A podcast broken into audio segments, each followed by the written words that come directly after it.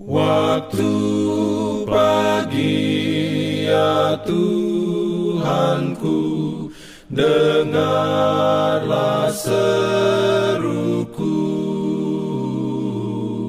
Melayang doa yang sungguh Memandang padamu. Selamat pagi pendengar Radio Advent Suara Pengharapan Mari mendengarkan suara Tuhan melalui tulisan pena inspirasi Yesus, nama di atas segala nama.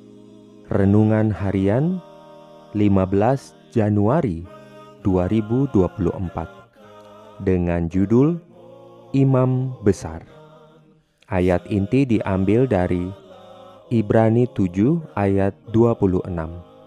Firman Tuhan berbunyi, Sebab imam besar yang demikianlah yang kita perlukan, yaitu yang saleh, tanpa salah, tanpa noda, yang terpisah dari orang-orang berdosa, dan lebih tinggi daripada tingkat-tingkat sorga. perlindungan dalam pimpinannya. Urayanya sebagai berikut. Perintah yang disampaikan kepada Musa saat berada di gunung bersama Tuhan, dan mereka harus membuat tempat kudus bagiku, supaya aku akan diam di tengah-tengah mereka. Dan petunjuk lengkap diberikan untuk konstruksi bait suci tersebut. Dengan kemurtatan mereka, orang Israel kehilangan berkat kehadiran ilahi, dan dengan waktu yang Anda membuat tidak mungkin mendirikan bait suci bagi Tuhan di antara mereka. Tetapi setelah mereka sekali lagi diterima oleh surga, pemimpin besar itu mulai menjalankan perintah ilahi. Orang-orang pilihan secara khusus diberkati oleh Tuhan dengan keterampilan dan hikmat untuk pembangunan bait suci itu. Allah sendiri yang memberikan kepada Musa rencana struktur bangunan tersebut dengan petunjuk khusus mengenai ukuran dan bentuknya, bahan yang akan digunakan, dan setiap perabot yang harus berada di dalamnya. Tempat kudus buatan tangan manusia seharusnya gambaran saja dari yang sebenarnya.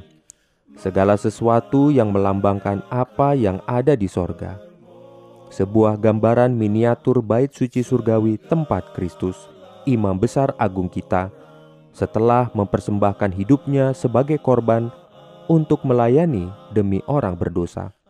Tuhan menyajikan di hadapan Musa di gunung suatu pemandangan tempat suci surgawi dan memerintahkan dia untuk membuat segala sesuatu menurut pola yang ditunjukkan kepadanya.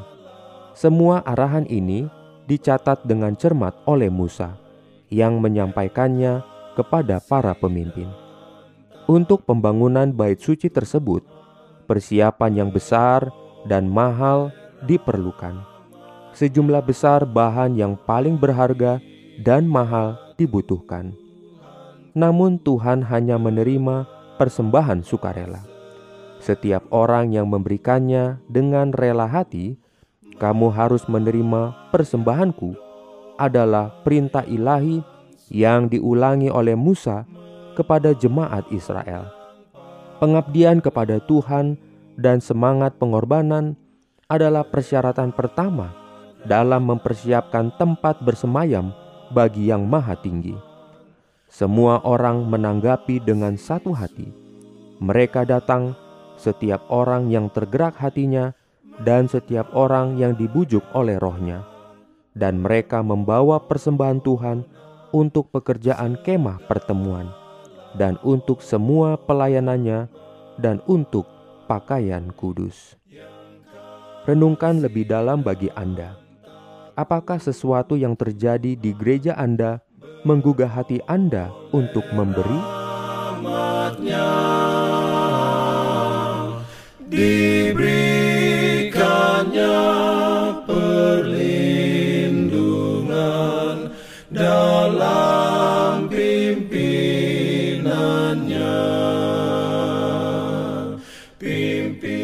Jangan lupa untuk melanjutkan bacaan Alkitab sedunia.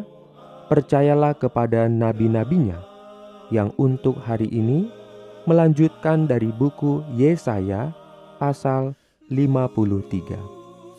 Selamat beraktivitas hari ini. Tuhan memberkati kita semua. Jalan kewajiban, jalan